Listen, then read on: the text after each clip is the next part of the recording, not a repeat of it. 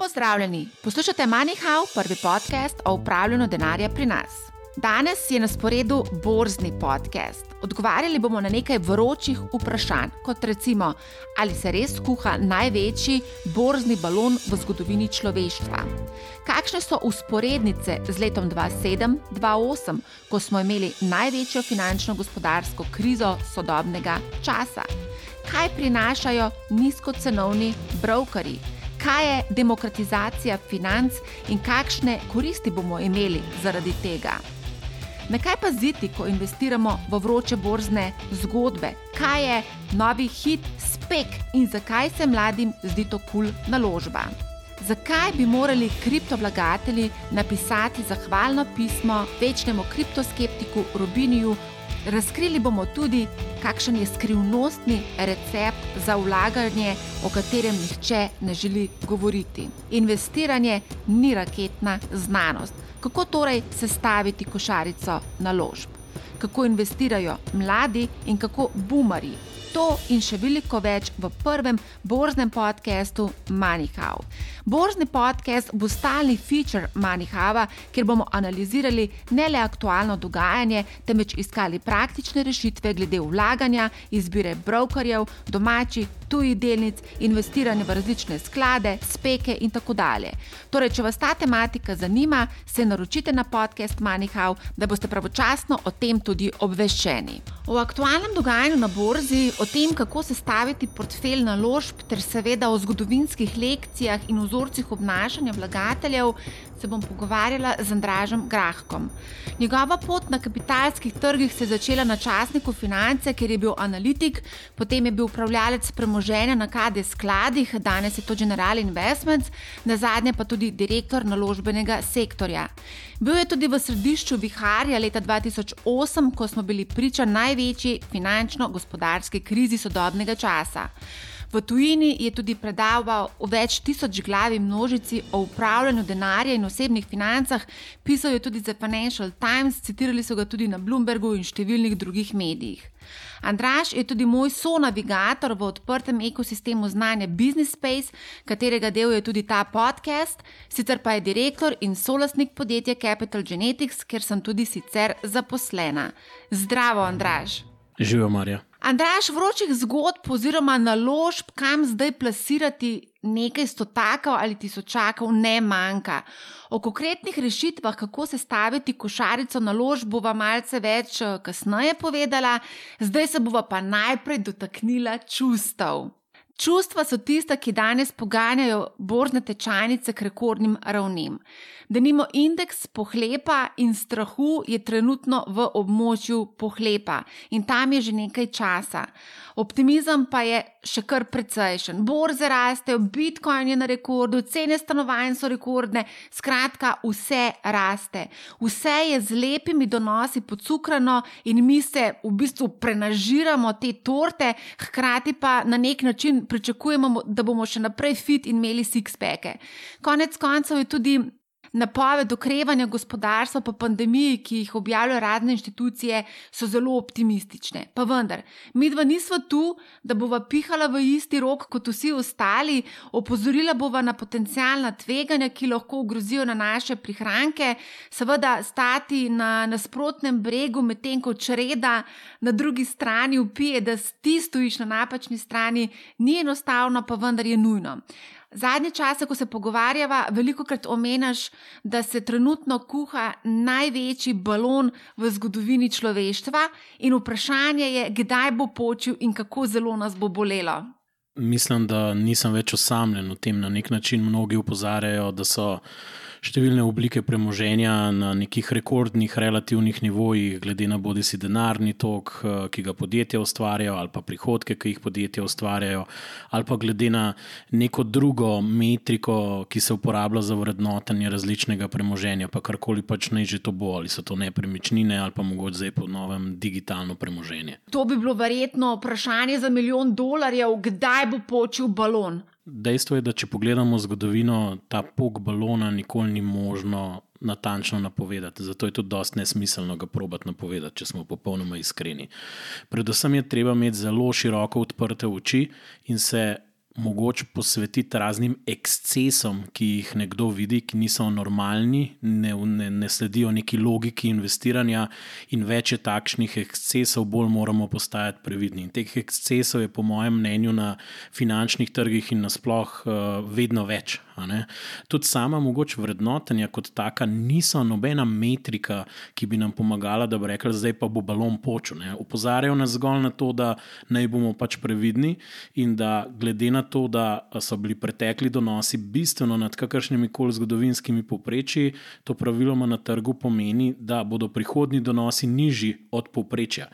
Zdaj, bolj bomo izkoristili ali pa stisnili. Predstavljajte si, kaj neko pomarančo. Ne? Če hočete sistematično vso kot ne dobivate, morate počasi stiskati. Če boste pa celo naenkrat stisnili, ste pa zaključili. No?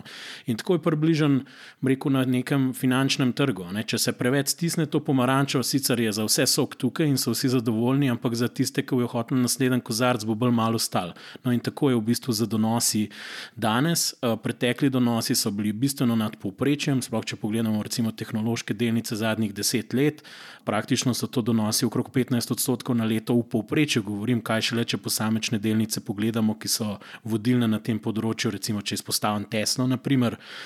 In tukaj v bistvu so ti znaki, koliko časa še, ali je um, racionalno pričakovati, da se bo takšna rast nadaljevala, na podlagi česa se bo nadaljevala, in v bistvu kako se pripraviti na to, če se bo nekako izčrpal ta moment, ki ga imamo zdaj na trgu, in kako se obrniti na nek srednji in daljši rok. Ker tukaj kratkoročno vemo, kaj se zgodi, ko poč balon, mogoče pa bolj pomembno, kaj se nam zgodi na nek srednji in daljši rok, ker vse mnogi vrčujejo za neke bolj srednjeročne, dolgoročne cilje, pokojnino mogoče ali pa nek konkreten večji nakup. In tukaj to, a bo balon počel čez 6 mesecev, 12 mesecev, ni tako relevantno, če smo povsem iskreni. Bolje je težava, ker pademo v eno emocionalno enolončnico, bi jaz rekel, noter, kjer se mešajo različna čustva in zelo malo racijusa.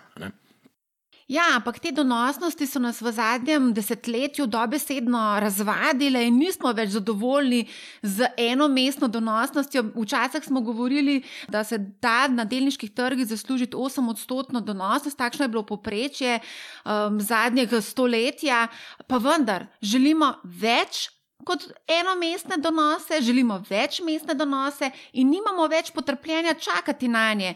Zdaj jih lahko ustvarimo v nekaj tednih ali pa mesecih ali pa celo v 24 urah, kar je bilo kar nekaj takih primerov.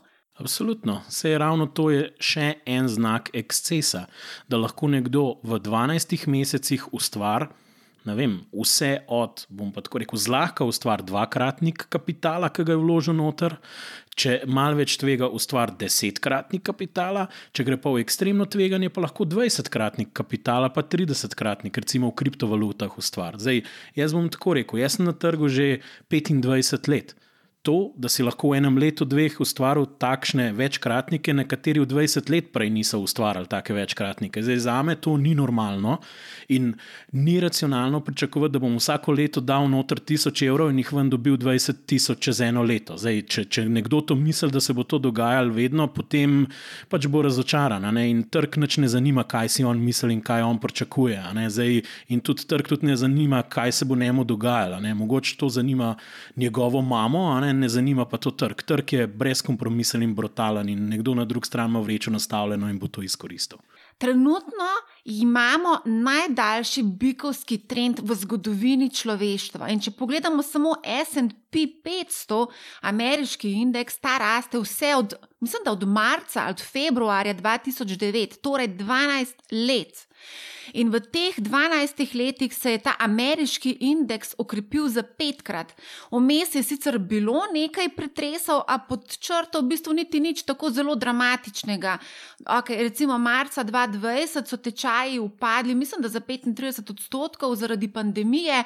Zgodil se je hiter upad, na to pa tudi hiter odboj v obliki črke V. Mene mogoče niti tako ne moti trajanje tega bikovskega trenda, zato ker če zelo naredimo ene pet korakov nazaj v zgodovini modernega kapitalizma, smo videli, da so bili ti res sekularni bikovski trendi, ki so lahko tudi 20 let trajali.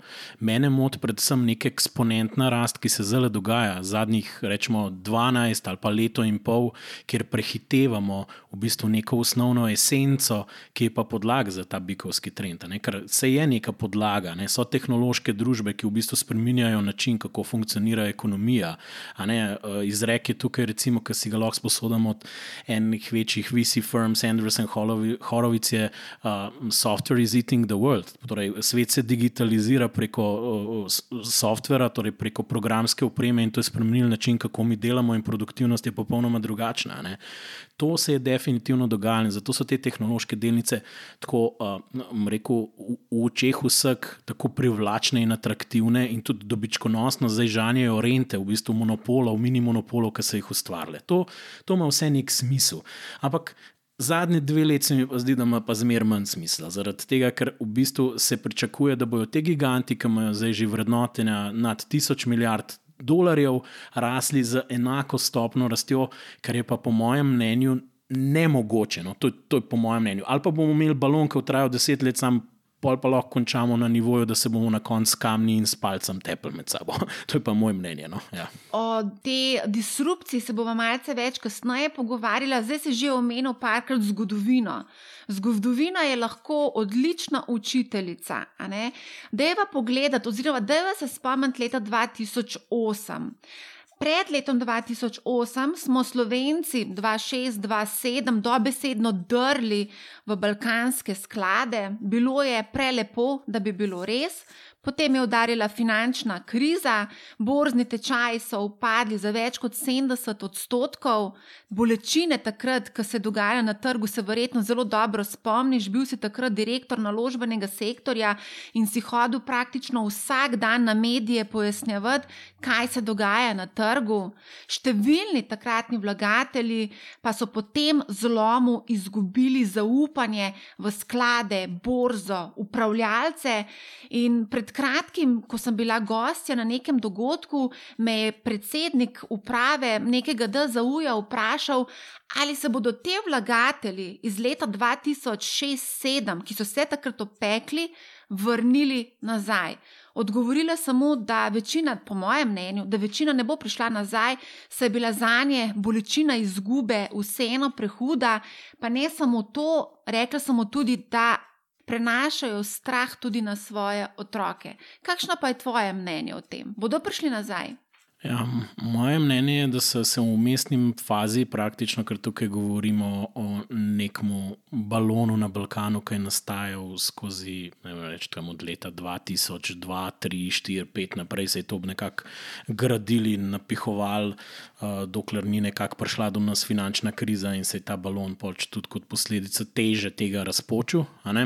Jaz bi rekel, da je veliko teh ljudi ne bo prišlo nazaj na trg, mogoče kakšen zdaj se znašel na nekem drugem drugem trgu, ne balkanskem, balkanskega, verjamem, da ne verjame na enak način. Se jim tudi v končni fazi balkanski skladi, če je še kakšno točko noter, so mu tudi dokazali, da je bilo ukrivanje res počasno. Sej, če, Če pogledamo recimo slovenski trg kot del tega širšega balkanskega trga, a ne recimo Krka kot Blue Chip, ki je sicer dobiček vse čas rastel, praktično ni bilo nobenega zloma, dobička ne je šele, ne vem, da jim rečemo, v tem letu se prebil prek unga vrha česne, ki smo ga videli. Torej si recimo čez vrh zadev ravno na nuli. To, to ni najboljša popotnica, ker če si pogledal tehnološke delnice, so te že od unga vrha in trikrat više, ne, tam, tam približno lahko. Odvisen, kaj gledaš, ne, če pa kaj drugega nakupu. Po drugi strani pa mislim, da so vstopili v tej fazi, zlasti zadnjih dveh let, eh, profili vlagateljev, zlasti malih vlagateljev na trg, ki so prišli ravno skozi to digitalno neko novo okno, ali to neobrokerjev, ali lažjega investirala, ali te digitalne avenije, ne, eh, kjer.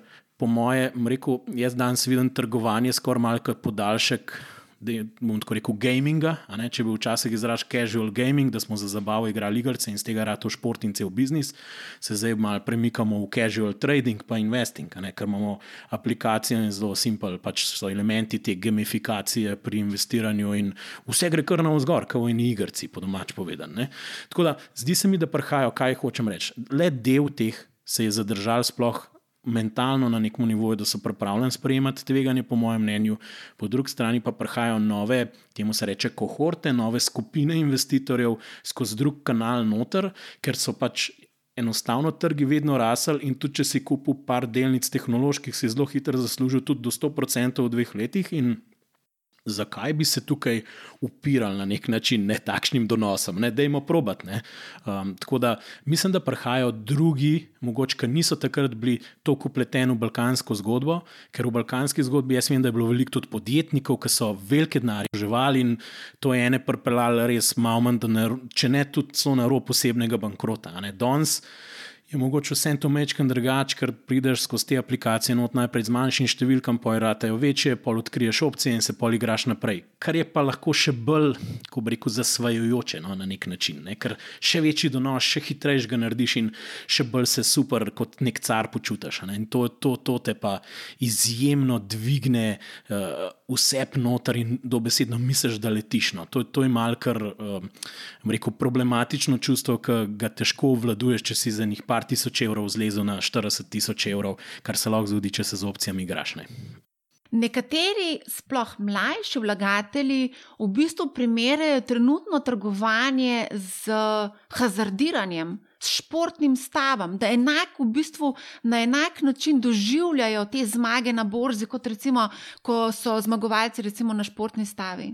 Ja, absolutno. Zato, ker sej, če pogledamo, kakšne so razmere na športnih stavnicah, ne, in grejo lahko ena proti vem, 20, 50 krat, odvisen, zdaj, na, če na underdoga staviš, so tudi rečoti drugačni. Ne. Tukaj se uporabljajo zmeraj bolj inštrumenti na finančni vzvod. Ali so to zdaj pogodbe, ki so vezane na razliko, kjer samo deponiraš del, bom tako rekel, sredstev, ne, kot, kot neke vrste, temu se reče margin, ne, zato da izpostavljenost držiš, ali se kupujejo opcije, naprimer, ali pa se kupujejo že delnice na kredit, ker v bistvu večina online brokerjev ponuja brez težav uh, za eno enoto tvojega kapitala, dve enote še dodatnega kredita. Tako da ta, ta tako imenovan horse racing mentality, bi se rekel, torej mentaliteta konjskih stav, ne, kot je to izpostavil Charlie Munger, eden izmed dveh teh uh, starih detkov Berkshire Hathaway, da se jaz mal pohecem. Ravno to, ne, pač, to je nek kratkoročno usmerjena, bolj trgovalna strategija, kjer se namenoma sprejema velika tveganja, seveda z namenom zelo visoke dobičke.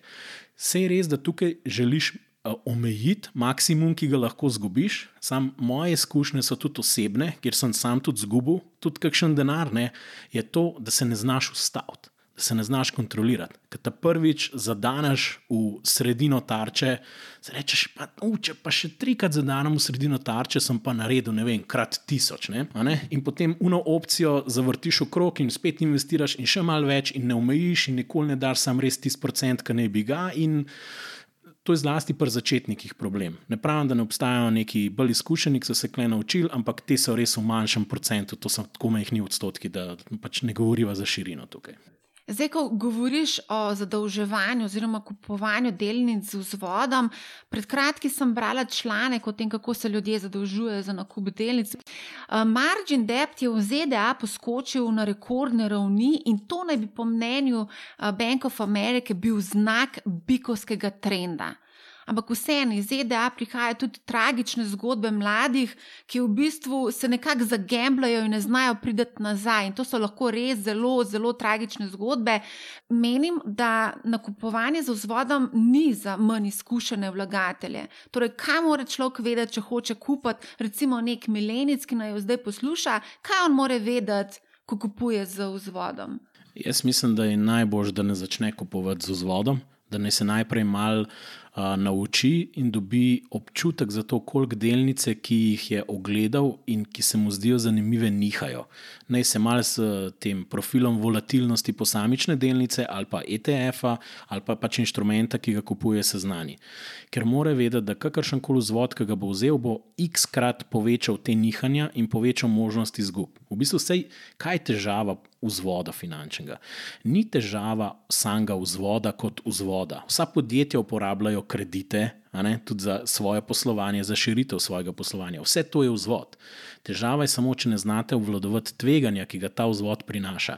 In tukaj je pa ta glaven problem, ker bi rekel, da 99,9 odstotkov newcomerjev na trg tega tveganja ne zna obvladovati. Predvsem misel, da ta tveganje ne obstaja in da grejo lahko stvari samo na vzgor. In ta mentaliteta, sej bom mi tako omejil svoje izgubo, ker lahko samo premijo zgubim, pa bo to, da zgubiš na koncu 20 premij, pa so vse zgubo. Tako da v bistvu ta, um, to obvladovanje tveganja se naučiš skozi čas, na tem moraš delati. To je, to je tako, kot neka obrt. Ja, jaz se s tem strinjam, ampak prej si lepo povedal, da so mladi um, nekako na krilih teh lepih donosov in se jih nič ne ustavi. Bo rekel, kakšen boomer si tukaj, tukaj da boš zdaj meni razlagal um, o vseh teh tveganjih in omejitvah. Dejstvo je, da ti mladi v bistvu niso izkusili te bolečine izgube v zadnjih deset let, vse raste. In dosti krat, ko gledam razne priporočila mladih na raznih družbenih omrežjih, predlagajo, kupi to in to, usedi se na, na kavč in gledaj, kako raste. Predvsem to za kriptovalute veliko krat povejo. Ja, mislim, sej, ne vem, kaj naj rečem. Sej, internet je toliko bogat raznih vsebin, moraš sam začeti iskati. Zdaj, če boš skozi iskalnik napisal maximum gain in one month, pa boš dobil to, kar pač iščeš, ne? in enkrat boš pač dobil po prstih. Če boš pa maximum loss of a teenager and how it affects him, recimo v tipko noter, ti bo pa pač neki drugega ven. Ne? Pa what happened behind the scenes in the GameStop uh, community, recimo, pa koliko so nekateri izgubili. Tako da jaz ne vem, očitno smo v tem svetu ekshibicionizma zelo stran porivamo težave, zelo stran porivamo motnje, ki jih povzroča tak, rekel, eh, hazarderski način investiranja, in zelo na pediestal eh, dajemo samega sebe, koliko smo obogateli, koliko smo mi vem, lepi, bogati, srečni in ne vem, kaj še vsega. Dejstvo je pa, da življenjske lekcije se skrivajo ravno v neki eh, bolečini in sozah, ki vodijo skozi svojo transformacijo, ker si jih dobil po prstih. To te krepi kot osebno. Zdaj, to, da si petkrat zadev in da te vsi lajkajo, pa da še zelo lep, pa si spobarval, malo da se pa imaš mišice, pa si ekspeke. Mislim, to trg neč ne zanima. To zanima samo svoje frende, ki upam, da bo še zmeraj tam, ko boš ti izgubil svoj denar, ki ti boš rabu pomočane. To me v bistvu zelo spominja na pogovore, ki sem jih imela s številnimi olimpijci, ko so povedali, da ja, ko dobimo olimpijsko medaljo, nas vsi v bistvu po, po ramenih uh, trepljajo, bravo, bravo, ampak veliko krat pa te ljudje ne vidijo vse to solze in trpljenje, kaj vse so investirali, zato da so danes v bistvu prišli do tega naziva. No, in ko že omenjaš um, GameStop in Reddit in družbeno omrežje. Ja, um, finančne nasvete ne iščemo več pri izkušenih borznih mačkih, iščemo jih na družbenih omrežjih, recimo Redditu in TikToku. Na vseh teh družbenih omrežjih sem sama tudi prisotna in vidim, koliko je škodljivih nasvetov, ki jih ponuja praktično vsak ki ima pet minut časa, ali pa slučajno prebere en članek ali pa knjigo. In med njimi je ogromno prodajalcev megle, in ravno to se mi zdi danes ključno, da kot vlagatelj moramo nekako oceniti, komu bomo zaupali. Ne? Poplava informacij je ogromna, algoritmi na Googlu tudi naredijo svoje. In moram reči, da pri nas je nabor zaupanja vrednih poznavalcev borze ali pa investiranja na splošno osebnih financ zelo, zelo, zelo skromen. To je sicer res. Jaz mislim, da klej treba biti zelo objektiven. Zdaj, sama recimo, družbena omrežja ali pa spletni forumi, kot so Reddit, so samo za me infrastruktura, Zdaj, ki omogoča, da različni ljudje uporabljajo ta megafon in nekako svojo vsebino rekel, diseminirajo, distribuirajo. Zdaj, tako kot na vsakem forumu, moš najti mogoče nek komunity, ki ga razumeš in razumeš neko omejeno uporabnost. Ne, doskrat se bolj tam tudi zabava, da je v spredju, kar pa resnični na svetu, mislim, iskreno povedano. Ne. Zdaj, druga stvar, ki mislim, da je izjemno problematična pri tem, je to, da tradicionalna panoga upravljanja premoženja je izgubila, res se mi zdi, v zadnjih petih letih pospešeno izgubila nek stik, kako na enostaven način, kredibilen način spraviti neke lekcije, ki jih ima vse v zadnjih desetletjih pri sebi na ustrezen način nad vse tiste, ki vstopajo na trg. Zaradi tega pa, ker imajo cel kup enih, rekel, zgodovinske prtlage in ta prostor zdaj naslavljajo določeni start-upi ali pa scale-upi, kot so recimo Robinhood in producirajo nek svoj vrsten kontent. Ki je vsebino, torej, ne, ki pa je vseeno, moram reči, zelo prodajno naravnana in naravnana na to, da se uporabnike, seveda, onboarda na digitalnega brokerja. In zdaj pa vse zveni tako hudičev zapleteno, ampak v resnici sploh ni. Zdaj, največja skrivnost, ki boh ne da, da bi jo kdo povedal, je to, da investiranje v resnici z tem, da boste dosegli neke, rekel, take donosnosti, ki so. Primerne za tvegane naložbe, kot so delnice, sploh ni tako hudičevo zapleteno. Sam vsi ga radi delajo izjemno zapletenega, vsi radi ponujajo, da vejo nekaj več, da dajo nekaj več, kot lahko da trg, ravno z namenom, zato, da te bo mogoče prepričal, da greš v neko smer. Zdaj, zakaj to počnejo, so njihovi motivi različni, v to nam šel, ker tukaj sem lahko potem pet dni, ne pa pet minut o tem govorim. Tukaj moramo sprejeti koncept, da um, trg, kot delniški trg, recimo svetovni delniški trg, ima neko vsebovano premijo za tveganje, ko mi vstopimo na ta trg. In ravno zato, ker ima to premijo za tveganje nad kakršnimi koli drugimi manj tveganimi naložbami, a so to depozite, obveznice, nepremičnine ali pa nekaj podobnega, pač nekaj, kar manj njiha, bomo dobili to premijo. In ta premija je na nek dolgi rok bila lahko zelo različna. Ne? Če ste na nekem povprečnem vrednotenju noter prišli, ste dobili nekih, da jim rečem, 6 do 7 odstotnih točk več, kot so druge naložbe prinašale. Če ste glih na vrhu noter prihromeli, pol ste na dolgi rok, to pomeni ponovadi deset let, ni, ni nek tak obdobje, ker se to vse nekako odraz, ne, kaj je res vrednost delniškega trga. Ste dobili mogoče samo tri odstotne točke presežka. Seveda, če ste bil pa ti srečni šampion, ki je točen na dnu, nekaj, po nekem zlomu noter preletu, ste pa dobili tudi do 12 odstotnih točk več. Ne. In pogledamo nazaj, nazdak zadnjih pač deset let se je točno to zgodilo. Ti donosi so tam okrog 15 odstotkov na leto, ravno zato, ker pač praznujemo bolj ali manj obletnico tistega dna, mislim, bolj ali manj govorim. In zdaj, kaj morate vi narediti? Vse, kar morate vi narediti, je najti nek inštrument, ki bo pač kupil cel trg. In Zato so primerni skladi ali pa ETF-ji. Veš kaj, Andraš, mi da bomo pa to malce kasneje bolj poglobljeno uh, se pogovorila o teh naložbenih strategijah in sestavi portfelja.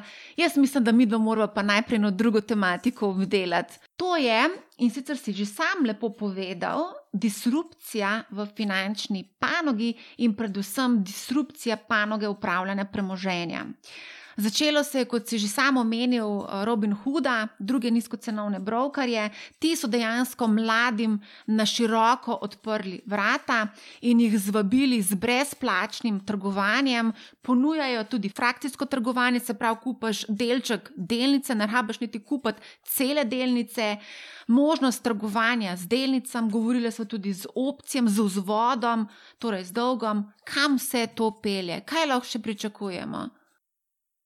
To je zdaj zelo, zelo široka tema. Prvi del je, da je Robin Hood prinesel neko brezprovizijsko trgovanje in s tem dostop do trga, tudi za manjše zneske. Ne. Jaz bi temu rekel, da Tukaj seveda ni bil samo Robin Hood, ampak se je ta model počasno rekel, tako nekako sestavil skupaj. Je pa res, da je bil Robin Hood najbolj agresiven, podpiram predvsem tudi strani skladov tveganega kapitala iz Silicijeve doline, ki so ugotovili, da model, kakršen je pri borznem posredovanju, prinaša visoke provizije, ki vse skupaj sešteješ in da je zrel, da ga disruptirajo. Ne? In so podprli Robin Hood, ker Robin Hood brez milijard. Robin Hooda ni, mi nimamo pocen trgovanja. Jaz lahko vladu Tenevu samo zahvalno pismo pošljem, ker se je pač to zavisi skladi lotu, ker je to povzročil, da so tudi drugi brokeri, ki so sicer po mojem mnenju kapitalsko močnejši, kot so Charles Schwab, recimo, ali pa določeni drugi interactive brokers, da se je v bistvu ponudba tukaj začela predstavljati na ta nivo, ampak, za moram pa reči, ampak. Obstaja še ena anekdota, kjer sta bom tako rekel, dve živali ne, v, v, v, v, v svojem hlevu in čakata na zakol, in sta blazno zadovoljni, kako je tukaj super, ker je za ston hrana. Tako da, če, če razumete, kam hočem reči, na koncu se nekako treba slanino narediti, da jim o tem tako rečemo. In zdaj, kaj se tukaj dogaja? Ne? Ti poslovni modeli pač temeljijo na to, da praktično veliko uporabnikov onboardajo na svojo platformo, ki ustvarjajo veli, ve, bistveno večji obseg trgovanja, hkrati ponujajo tudi več inštrumentov, enostaven dostop tudi do recimo, inštrumentov s finančnim zvodom, kot so opcije, ki je bil sicer izjemno nelikviden trg, še kakšnih 10-15 let nazaj, zdaj pa kar naenkrat likvidnost na ta nelikviden trg lahko prihaja, ker gospod Robin Hood oziroma vlad, ne, zanimivo, ne, Robin Hood vlad, mene malo na vlada, tepe že spomne, vsakič, ko vlad rečem, ne, tako da ne vem, ali je to zgodba o Drakoli ali o Robin Hoodu na koncu. Ampak kakorkoli, zdaj imamo silno, silen tok, ki prihajajo in ta retail investor prihaja in temu si rečemo demokratizacija financ. Vsak lahko kupi frakcijo delnice za 2 dolarja, za 20 dolarjev, kolikor imaš, daš. To je malo kot bazar. Kar imaš, daš lahko na trg in zdaj lahko ne samo bogati služijo na delnicam, ampak tudi vsi tisti. Ampak pozablja se pa ena stvar, da v bistvu Robin Hood vse ta tok vzame in ga v bistvu proda z neko razliko vsem tistim, ki so pa bližje in imajo licenco za infrastrukturo trgov in delajo likvidnost. In težava Robin Hooda je to, da je ta izjemno hitra rast rata izjemno težko obvladljiva. Še zlasti, če se njihovi klienti združijo v neko maso, v neko silo, kar Robin Hood ni pričakoval, in se lotijo nekega izjemno nelikvidnega trga. To je pa drugi del tega, ki je tukaj problem. To je pa GameStop, kjer se lotijo pač opcij nekega podjetja, ki je že v osnovi small cap, ne, ima pač ne vem, takrat imeli nekih 500 milijonov dolarjev, pa še ne vem, če sploh tržne kapitalizacije. In oni so se lotili igrati z opcijami, ker je nekdo ugotovil, da so tam neki hedge skladi, ki so domnevno največji problem trga, čeprav iskreno iskreno povedano, hedge skladi predstavljajo kot 3 do 4 odstotke celega kapitalskega trga. Tako da to, ta zgodba je tako napihnjena, da, da, da, da ne vem. Kaj bi sploh rekel? Tako da to je zdaj zgodbica, kot Hollywood movie. Mal, zdaj pa, kaj pa problem Robin Hooda? Robin Hood ugotovi, da se tukaj začnejo akumulirati zelo veliki dobički njihovih klientov, ampak moramo razumeti, da opcije se pa morajo poklirati, to pomeni, se mora izvršiti poravnava poziciji, če ima nekdo izgubo z nekom, ki ima uh, pač dobiček, praktično najmanj vsake dva dni. Ker obstaja neka firma, ki se imenuje Clearing Corporation, ki mora skrbeti, da nek, nihče ne zbankrotira na opciji, da je zmer sistem poplačen, ker je to zaupanje v sistem. In kaj se je zgodilo uh, fantom na Robin Hoodu, dejansko Vmes morajo oni za ta dva dni skrbeti, da ima broker dovolj kapitala, da v zadju skrbi za, da jim reč, solventnost celega trga. Vsi brokeri imajo to dožnost. No? In Robin Hood je zaradi te igrice z GameStopom praktično v dveh dneh ali pa v parih dneh ratov insolventen in mogel zbrati, mislim, okrog 6 milijard na trgu. O tem se nič ni govoril, da se trguje prek enega brokerja, ki v bistvu bi bil lahko jutri v stečaju, če ne bi od prijateljev iz Silicon Valley, pa njihovih večjih prijateljev, dobil denar. Ogromen se je pa govoril, kako je je ta Robin Hood uposli z nekimi večjimi skladi, ki imajo pač tudi delež v, v, v Robin Hoodu. In zdaj, kaj zdaj hočem reči? Ko se navdušujemo nad demokratizacijo osebnih financ, jaz sem blazen fan tega, je pa spet treba malo narediti domačo nalogo, preko katerega borznega posrednika trgujemo. Ker če delate preko Robin Hooda in ste del, da jim rečemo, GameStop skupnosti in, in, in imate neko vendeto proti head skladom, se lahko zgodi, da boste izgubili dostop do svojega računa, ker delate to prek nekoga, ki vam bom rekel po domač, po balkanski, nima za burek. Da je v tem tako reči. No, to je pa nekaj, kar bi bolj izkušeni trgovci rekli: jaz se ne bom. Po domač povedano, bom direktno zajebaval z nekim Robin Hoodom, ampak bom probal to delati prek nekega brokerja, ki je dovolj solventen, da se mi ne bo zgodilo, da mi bojo zamrznili pozicijo, pa se je pa trg premaknil nekam v dveh dneh in bo moja pozicija, ki je bila prej 100 tisoč dolarjev dobička, vredna nič, ne?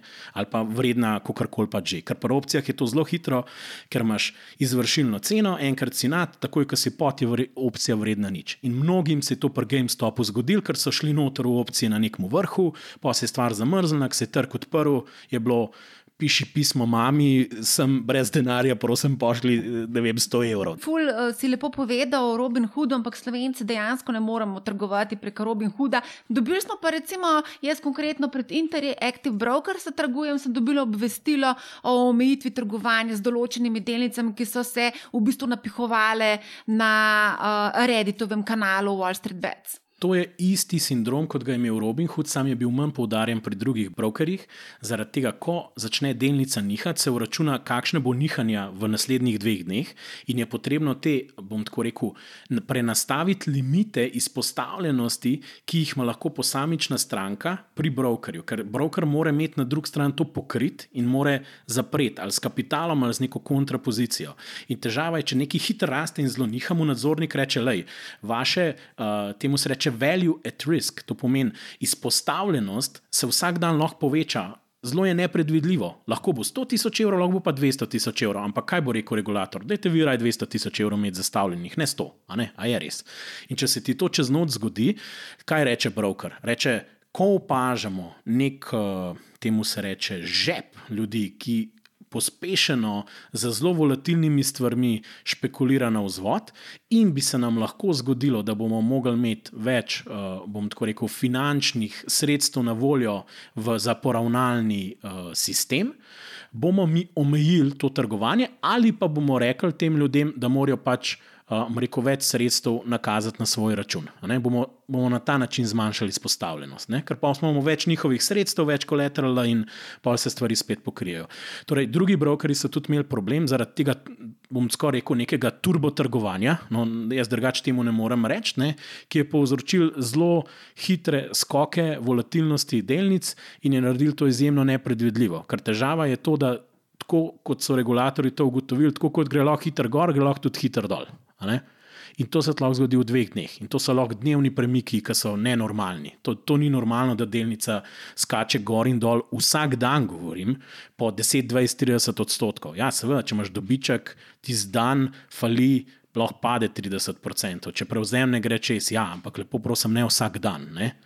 Ali lahko mogoče tukaj se saj še dotaknemo ene zadeve? Ne? Kdo sploh trguje z opcijami? Zdaj, to se je veliko govorilo v tujini, verjetno tudi kakšen zanesenjak v Sloveniji, ampak načeloma vsi ti finančniki, ki jih jaz poznam, praviloma se mi zdi, da ne trgujejo z opcijami.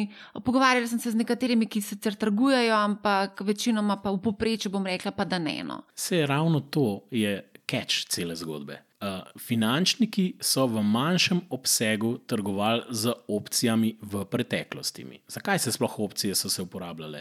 Delno, ker so jih traderji uporabljali, delno pa zaradi tega, ker so se uporabljale za različne oblike zavarovanja že obstoječih pozicij, ali pa če ste bil nek špekulat, špekulant ali hedge fund, ste imeli različne strategije opcijske, ker niste stavili na neko smer trga generalno, ampak ste neke, neke ožete umeli, da jim odko reči nekih um, razlik med delnicami imenovanih spredov ali pa premikov, rela, nekih relativnih, bom tako rekel, premikov med različnimi uh, vrednostnimi papirji.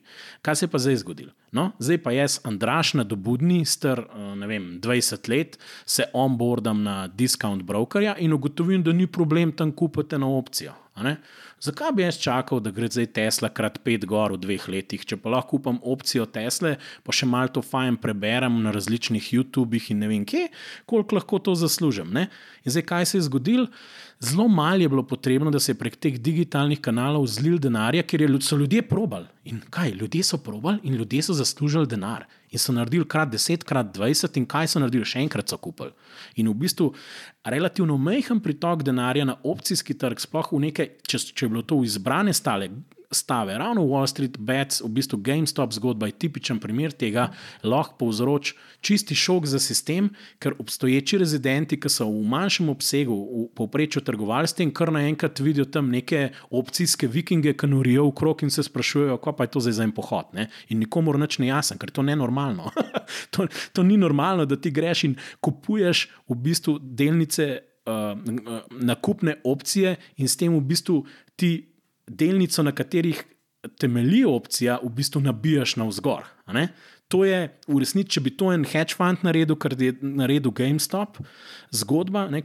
Pustimo zdaj začetek, zakaj se je, ampak ta finale, veliki finale, jaz sem prepričan, da pristane na sodišču mislim, da je zato na sodišču. Ta Roaring Kitty se mora zagovarjati, tudi ta fant, ki je v bistvu ex-Wall Street guy, ki je v bistvu začel to, to zgodbo.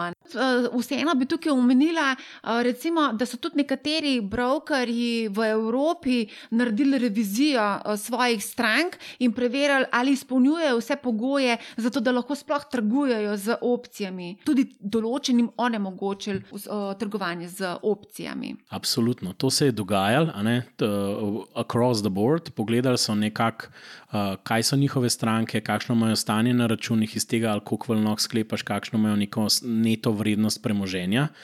To, to je pa zdaj regulacija. Zdaj, kaj se je zgodilo? Ne? To je približno tako, kot banke. Se vemo, ker pa potem, ko je bila bančna kriza, so mogle vse banke dvigati kapital, pa milijon nekih novih pravil napisati. No, Brokeri, ki so pa imeli uh, krizo Robin Hood, so pa rekli, da moramo pa mi pokazati, da mi pa smo sami tudi izjemno, temu se reče, prudent, ne vestni in bomo tole še enkrat šli pogledati, ker če zdaj pride eno kontrolo in nič nismo naredili, bojo nam že kar ček zakazan napisali. In to je v bistvu, tako jaz pravim, ta, ta kapitalski trg, jaz se sam smejim te scene gledam. Jaz rečem, the more things change, the more they stay the same. Ne, zmer pride en mladi bikec, misel, da je, ne vem, ponovno, tudi sam sem bil del tega, ne vem, 10-15 let nazaj, da je ponovno izumil neko, neko zgodbo, ne, da je ponovno izumil nek način trgovanja, da je odkril nekaj novega in da je to čist nekaj revolucionarnega, in da vsi tisti stari boomeri tam nimajo pojma. Ne? Na koncu pa izkaže, da pač saj na finančnih trgih ne obstaja nek metrix, ki pride nek neo in gravitacijo izkriv in vse premaga. To, to pač ne funkcionira na teh trgih. To, to je pač žal, ko je, obstajajo anomalije, na koncu je cel kup politike, ki seveda se noče ljudstvo zameriti in se dela malo butastega iz cele zgodbe, ampak na koncu regulacijo je treba spremeniti konsenzom. Vemo pa, kako izgleda recimo, zakonodaja, politiki, stranke, da se kaj spremeni in to je, to je vse skupaj. Operajo se roke in gremo dalje. No, okay, zdaj smo šli malo bolj na ta, recimo, temu za bolj izkušene vlagatelje, opcije, Robin Hood in tako dalje. Uh, greva se dotakniti še ene zelo vroče zgodbe. Marsikdo se je tukaj že, recimo, temu nasmolil in sicer eden od pokazateljev pregretosti trga je tudi poplava IPO-jev oziroma prva javna prodaja delnic. Lani smo bili priča IPO, Airbnb, Snowflake, DoorDash in kup drugih. Prvi dan kotacije pa se je zgodila prava eksplozija na borzi. Marsikdo je takrat tudi verjetno skočil, kupil delnico in potem v bistvu ugotovil, da je mogoče malo preplačal. Nekaj vročih IPO-jev se še napoveduje, napoveduje, da nima Coinbase, govori se tudi o Robin Hoodu, čeprav zdaj ne vem, kako bo tukaj in uh, drugi IPO-ji. Uh, kaj se dogaja z temi delnicami, IPO-ji delnicami? Meni je izjemno logična. Zdaj, vsi pa z tega delajo spet neki, kako pa je to, kako se pa to dogaja. Mislim, je, to je nevrjetno, kako se ljudje znajo delati butaste v, v tej finančni panogi. Klasičen IPO praviloma vključuje dobro poučene vlagatelje, ki ocenejo vrednost podjetja in so pripravljeni, ker pogosto ali obstoječi proda, delničari prodajo delnice, ali pa je kombinacija prodaje in nekega zbiranja kapitala. To pomeni, da imate same finančne inštitucije, da v bistvu ocenijo vrednost tega podjetja in uračunajo, koliko bi oni želeli zaslužiti, če kupijo v IPO-ju na nek srednji in dolgi rok. In njihove zahtevane donosnosti so. Za pač te delnice, ki prihajajo na trg, po mojem, tako je 15 odstotkov na leto. In oni so s tem zadovoljni. Zdaj, kaj se pa zgodi, potem, ko so oni kupili te delnice in se uvrstijo delnice na trg, je pa druga stvar. Kdo pa tam kupuje? Tam pa kupuje vsak, ki mu je delnica všeč. A je uračunal 15-odstotno donosnost, ki jo bo kupil? Ne, on jo sam hoče imeti. In v bistvu, če smo čizi iskreni, tukaj se pojavlja ravno ta momentum, mal na retail uh, flowu investitorjev, ki vidijo potencial v teh podjetjih in mogoče ne znajo ločiti dve stvari. Eno je odlično podjetje, ki lahko odlično raste, eno je pa odlična naložba. Zdaj, kaj za njih odlična naložba, jaz se mal praskam po glavu, ker ne razumem te njihovega metra na odlični naložbi. Absolutno so pa, po mojem, sposobni oceniti, kaj je odlično podjetje, če dovolj berejo.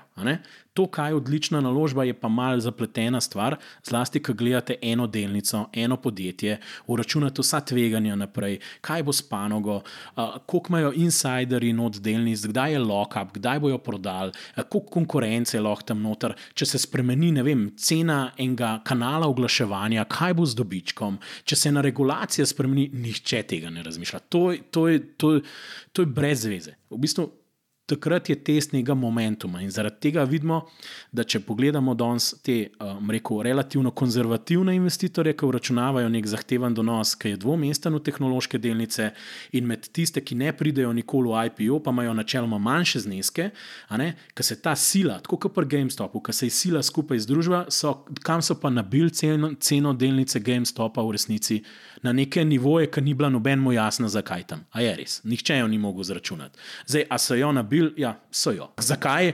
Ne vem, očitno je bila odlična naložba. In IPO-ji samo kažejo te dva različna trga, kvalificirani investitorji in pol vsi drugi, ki so na trgu. Kar je klep pomemben, po moje, na celem trgu sem gledal za ene procente, včasih so retail investorji imeli tako 10 do 15 odstotkov celega trga na vrhovih, zdaj ravno ker se demokratizirajo, temu se reče, ne, finance, to pomeni, da se dostop do kapitalskih trgov res razširil in to je sicer zelo v redu, da ne bo pomota. Jaz sem blazen podpornik tega. Se je miks spremenil. In ravno ta retail flow v zadnjih dveh letih v bistvu dviguje, po mojem mnenju, valuacije, ker manj kritično gleda na neke delnice. Pač enostavno se pohvališ, imam tam pač imam Teslo, ki sem mal cara, ja. pa imam, kaj jaz vem, zelo bom Coinbase kupil, je prišel na trg. Željani smo teh novih podjetij, ki so. Je pa res, da so na nek način IT in tudi včasih konzumer monopoli v nekih panogah. In njihova vrednost se bo tehtala. Jaz težko rečem, da so čisto vse ti totalno napihnjeni in da ne morejo nadaljevati nek svoj pohod. Ampak je pa težko oceniti to. Deva se še čisto na hitro dotakniti še enega hita oziroma trenda, spek in sicer gre za Special Purpose Acquisition Companies oziroma javno kotirajoče zaprte sklade, ki iščejo vroče tarče za prevzem in za podjetje je to nekakšna alternativa IPO-ju, za male vlagatelje pa spet ena enkratna priložnost, da na hitro neki denarje zaslužijo. O tem, kaj moramo vedeti, ko vlagamo v speke in kateri so ta hip, ta hip najbolj vroči, je pisal tudi naj kolega Matej Šimnic v blogu, ki je objavljen na Capital Genetics. Torej, kakšen nasvet lahko dava za vlaganje v spek? Kaj ne rečem, ne? da se malo pohical, malo na špeh zveni. Spet je neka slanina v igri, kaj ima zdaj vrgel na žar. Gor, Ampak ni dosti daleč od tega, ne? da bom razložil, zakaj. Ti prideš k enemu zelo dobremu šefu in rečeš, wow, Mislim, ta je res car, kva nam bo zdaj on skuhal. Ne? In ni menija, ni, ni, ni menija. Ne? Sam piše, to je gostilna pri šefu. Mateju, Andražu, Janezu, Igorju, vse nima veze, Mišelu. In, in vsi vemo, da se tukaj dobro je, gor je pet, ne, ne vem koliko zvezdi, že ne, tri Mišelinove, kako koli pa že, v vseh revijah je noter, ampak ni menija. Vemo samo, da se dobro je. Zakaj? Ker je on dostavil toliko različnih dobrih jedi, torej donosov na nek način, ima ta track record, zgodovinsko dobro sled ustvarjanja donosov. In če bomo njemu dali denar in bomo zakupili in rezervirali mizo v njegovi restauraciji, bo sigurno to izjemna izkušnja. Value for money je nevreten. Ne? In en tipičen primer tak je, ne vem.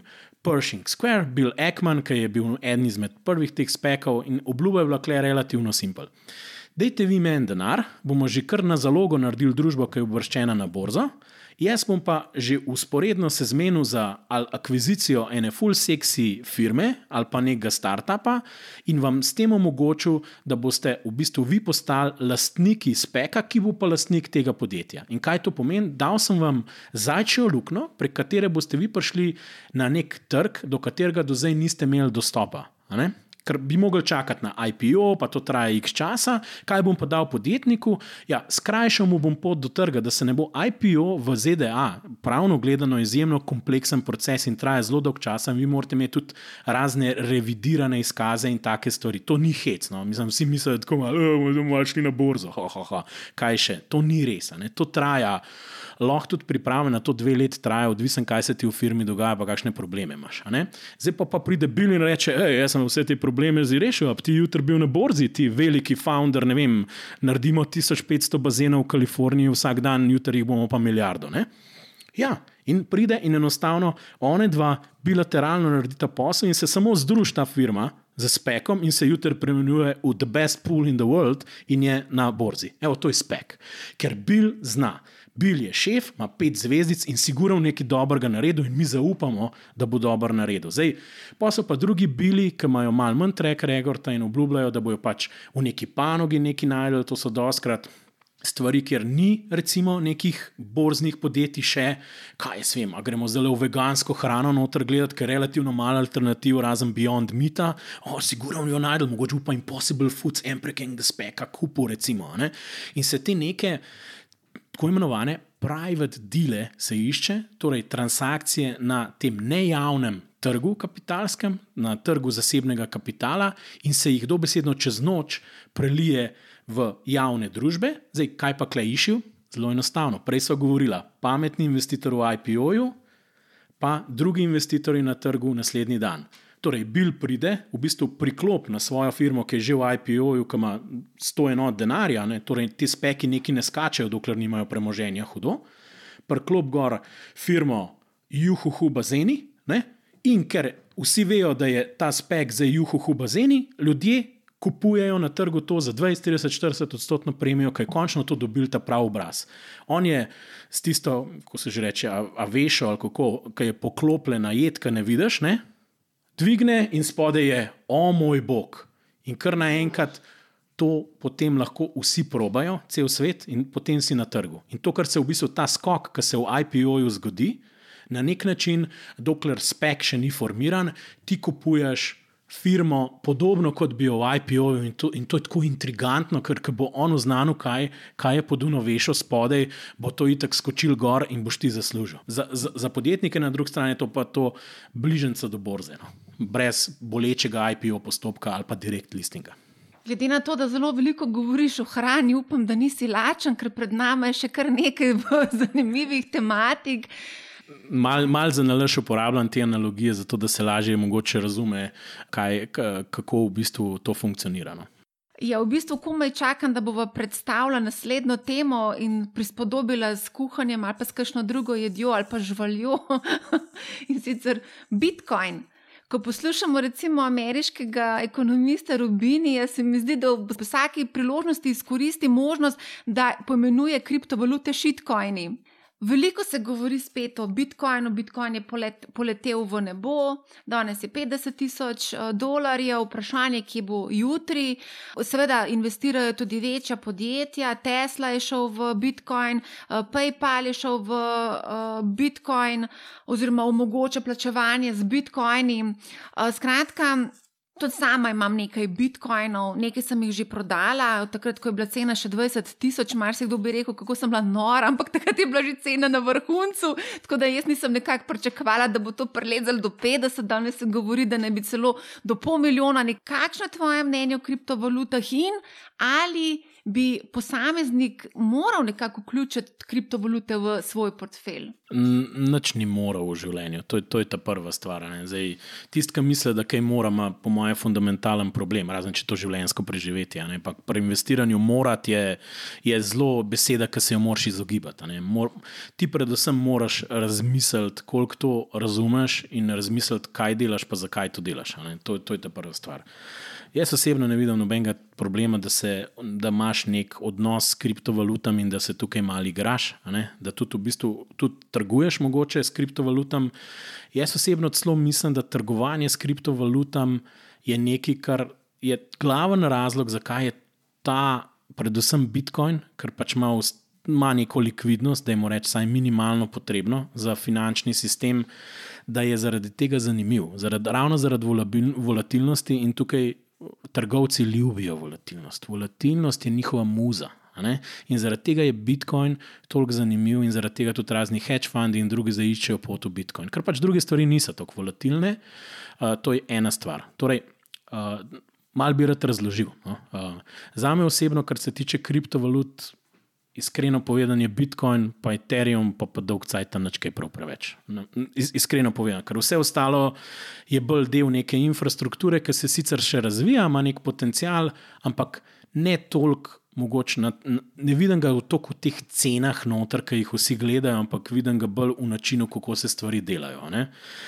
Zdaj, Rubini, tle moram nekaj povedati. Ne? Jaz mislim, da vsi, ki držijo kripto, morajo zdaj napisati zahvalni mail ali pismo nuli evrov Rubiniju, ker je sposoben vsakič, ki pride kamorkoli, reči, da so to vse šitcoini in vredni nič. In naslednji dan vsi hočejo dokazati, da to ni tako, in grejo v akcijo in gremo kopati. Če Rubini prav, tole bomo mi že pokazali, da je bo približno tako reči.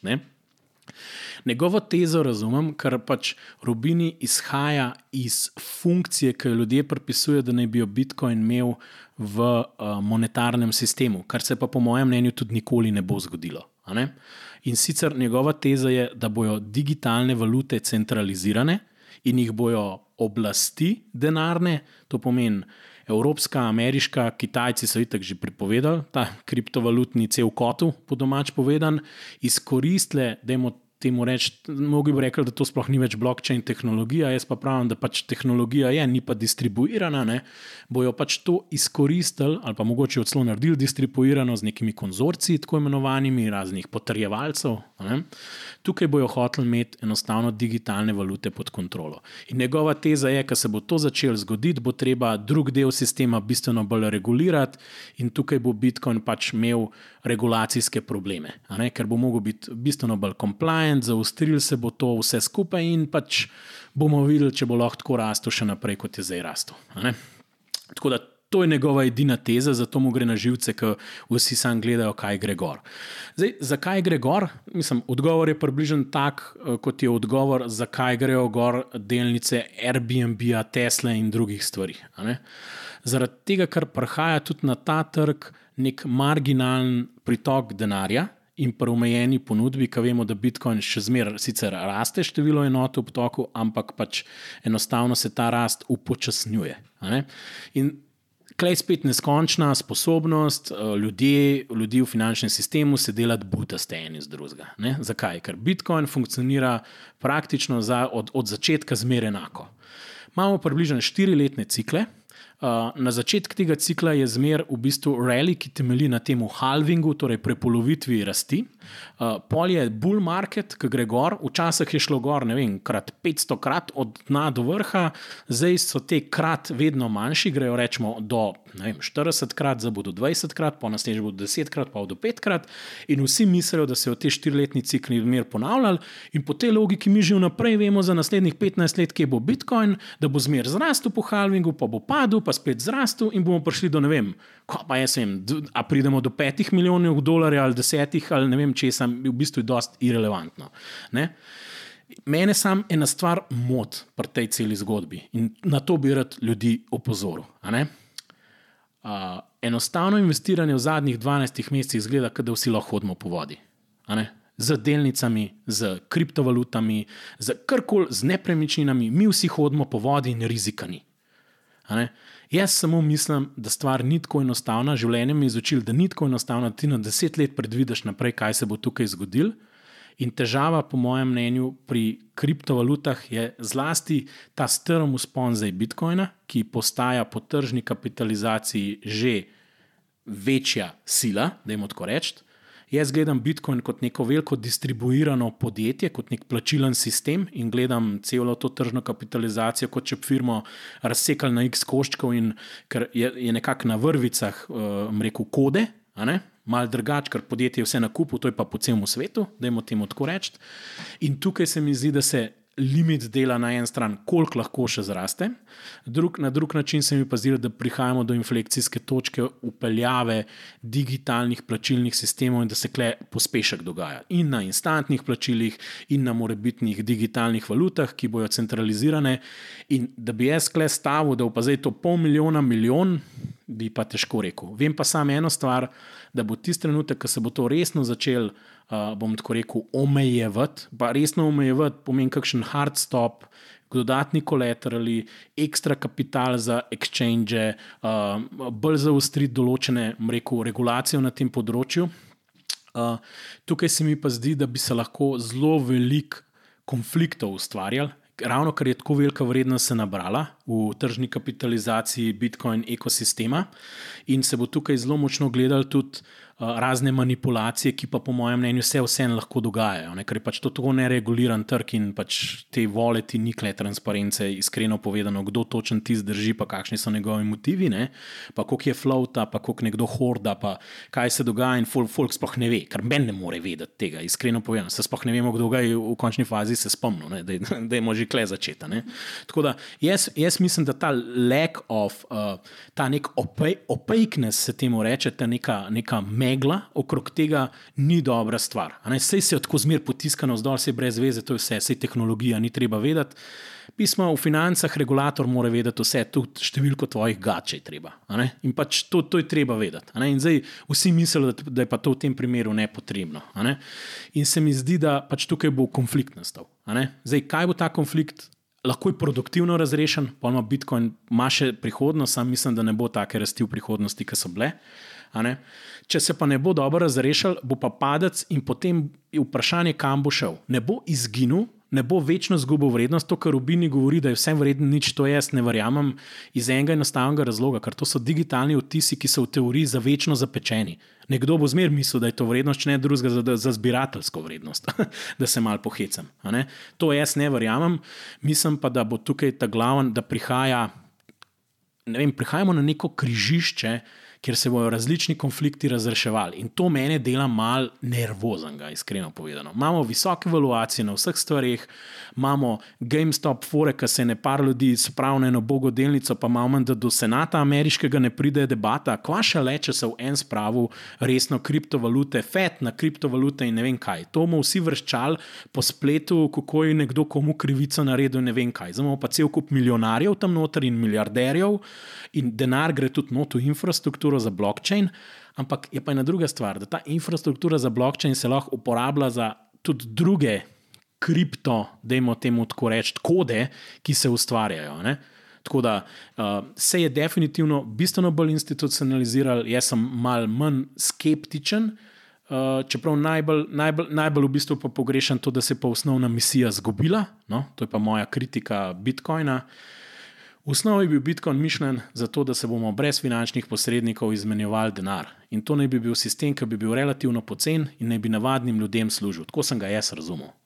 Danes pa služi predvsem uh, tistim, ki večje denarje sem in tja premikajo in v bistvu hočejo od tega služiti. Največ denarja kle noter gre od VC-ov, hedge fundov, zdaj po ta novem, pa še zelo velike, ne vem, večina bitcoinov je skoncentrirana v parih denarnicah, no, torej kje je kle, Ginijev koeficient pa porazdelitev poštena po celem svetu, tega ni. To je, to je v bistvu malo en cornering teh bitcoinov naredil, zato da jih je zdaj malo manj na trgu, pa vsakič, ko pride Rubini, je pol cena lahko še malo večja, ker jih je toliko manj. tako, tako da ne, ne vem, no, mislim, ni mi všeč to. No. To, to, to mi ni kul, cool, ker je ta. De, ne samo da je deflacijska valuta, še ekstra so vzvod na def, def, deflacijo ali pa zmanjševanje razpoložljivosti naredili. In to je pa meni zelo blizu manipulacije, no? iskreno povedano. Ne? To mi ni všeč, to bilo treba malo razvezati in, in, in, in, in reči, čemu Bitcoin v resnici služi. A služi samo, da ga nabijamo v nebo, a služi tudi, rekel, vsakdanjemu človeku, ki za ful nizko cifro lahko plača svojemu sosedu kruh, in ta nima za to. No, mislim, tega ni. No. To pa meni iskreno mot zelo. Uh, v tej zgodbi, ki se zelo veliko pretvarjamo, kaj ne bi uh, od ljudi za ljudi, mi klele, se šli. No. Uh, to se je zgodilo čisto.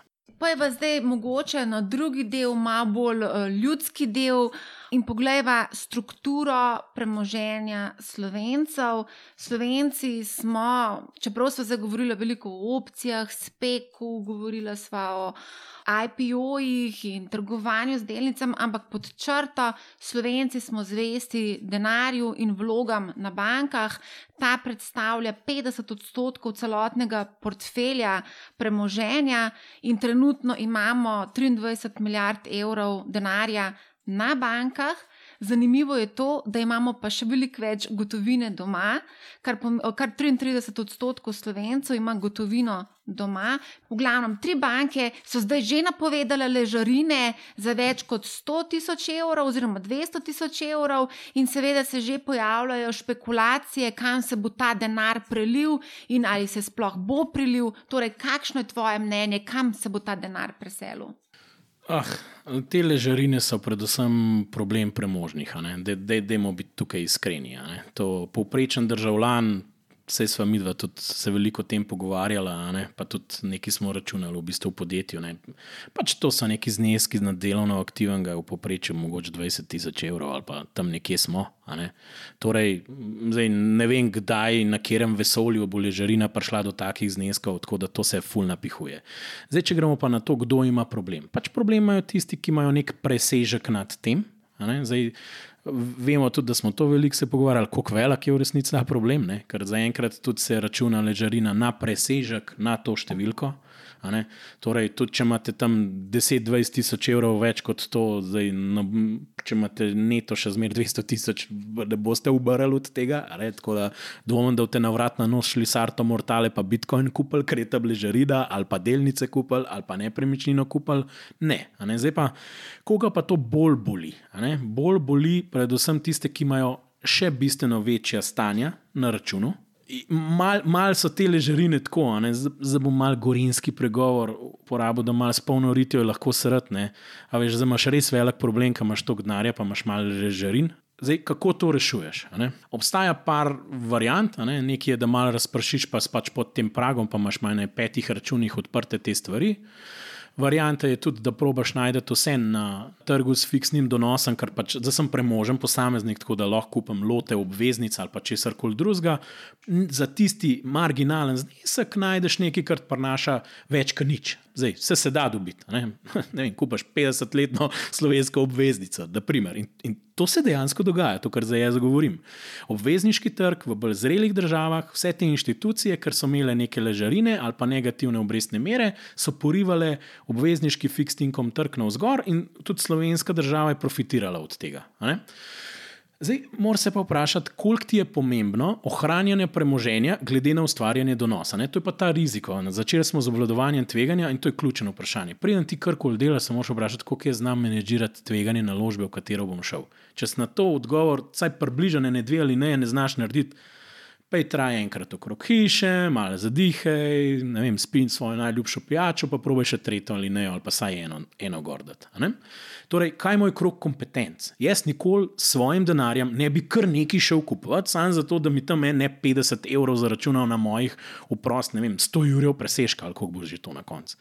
Kako je to v bistvu noro. In mi imamo oddaje na raznih medijih, o tem noro debatiramo. Krok kompetenc. Kje se počutite?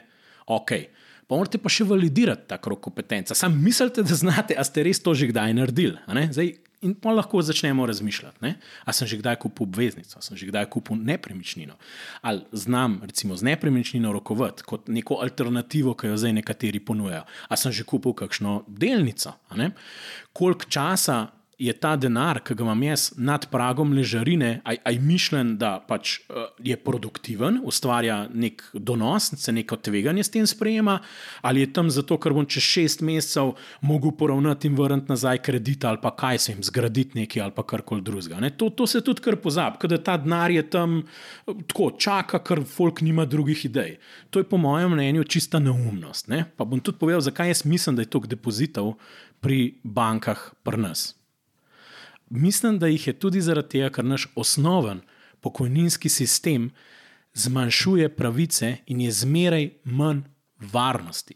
In mislim, da ljudje, ki vstopajo na pot pokojnine, so vrčevali celo svoje življenje in se zavedajo, da imajo nizko pokojnino in želijo imeti tam varnostno zalogo. Oni ne bojo šli kupovati za nekih hudih, tveganih naložb. Mogoče bo kakšna nepremičnina, če jih nimajo že tako 3, 4, 5, ki so jih podedovali. In ko to izločimo ven, v bistvu ta krok ni tako velik v resnici v Sloveniji, kot se o njemu govori. Zdaj pa kam, kaj narediti? Jaz pravim, zmer vprašanje, za koliko časa lahko pogrešate denar. Ne, pošljete ga kot nekega znanca na poti po svet, po svetu ali pa po vesolju in pričakujete, da bo prišel bogatejši čez 5, 10, 15, 20 let nazaj. Daljši so ti horizonti, več tveganja si lahko prvoščite. Ker kaj je tveganje? Tveganje je, da da pač, ne, vem, ne boste ustvarjali donosa na dolgi rok. Če ste pravilno zasnovali svoj portfelj, ni tveganje, jaz bom vse izgubil. Tveganje je, da boste namest 8-odstotnega ali pa 10-odstotnega donosa pri delnicah naredili 0 na 20 let. Pa je brez veze, da ste to naredili, pa vse, če ne vem, kupite manj tvegano naložbo, zaradi mene tudi nepremičnino. Ne? Torej, to je ta prva stvar. Kakšno obdobje, koliko časa. Kad to vemo, se moramo odločiti. Če imamo obveznost čez pet let, tri leta, štiri leta, se upravičujem, to je brez veze kupovati neke delnice, pa neke hudo tvegane naložbe, ker v teh treh letih pa je možnost, da bo glih cena nižja, da bo to zanihala, kot te vi mogli prodati, da boste pač realizirali izgubo. Tudi pri nepremičnini je to bajdove možno, čeprav vsi mislijo, da je to brez veze. Zakaj? Ker zelo redko vidim ljudi, da popolnoma brez vzvoda, brez kredita kupujejo nepremičnine. Torej, če ste nekaj kupili za 100, pa ste, pod, pa recimo ste dali 80 enot kredita, pa 20 svojega, in je cena zanihala iz, da rečemo, 100 na 95, ste na unih svoj delež 5 enot izgubili, ne? ste iz 20 jih naredili 15, pa recimo, da niste več glavnice odplačali, da stvar na obl zakomplicirala. Torej, vložek v nepremičnino ni vložek v celo nepremičnino, to je vložek v tako imenovani home equity, se temu reče. To pomeni vaš lastno udeležbo, to je, v, to je vaša naložba. Čeprav imate celo nepremičnino, ampak dokler niste odplačali, imate obremenitev, ki jo morate ob prodaji vrniti. Seveda, čez 20 let, ja, ok. Pač tega dolga ne bo, ampak zdaj se bom pa malo pohecal. Koliko večja pa bo, cena nepremičnine od takrat, ko ste jo kupili, no to je pa realen na nek način nek donos. Ne? Z vračanjem dolga pač vi nekako buildate si nek donos, bom tako rekel, na koncu pa ta rast cen pomembna. No, tukaj je pa spet mal problem, po mojem mnenju, ker vseeno imamo tudi tukaj obdobje, recimo, če pogledamo Ljubljanski trg, ki se največ na rezidenčnem koncu pri prebivalstvu dogaja, da kaj kupijo, pa hočejo kaj oddajati. Dejstvo je, da imamo za sabo obdobje, kjer smo videli praktično 50-odstotno rast, no, da jim rečemo v zadnjih petih letih, če malo poenostavim, in to so nadpoprečne rasti. Ali bo to se nadaljevalo naprej z enakim tempom, težko reči. Je pa res, da za nekatere se zdijo zelo privlačna alternativa depozitu, nepremičnine, ker se jim zdijo manj, so manj tvegana naložba in tukaj noter bi lahko kakšne ideje se pojavljale. Ne?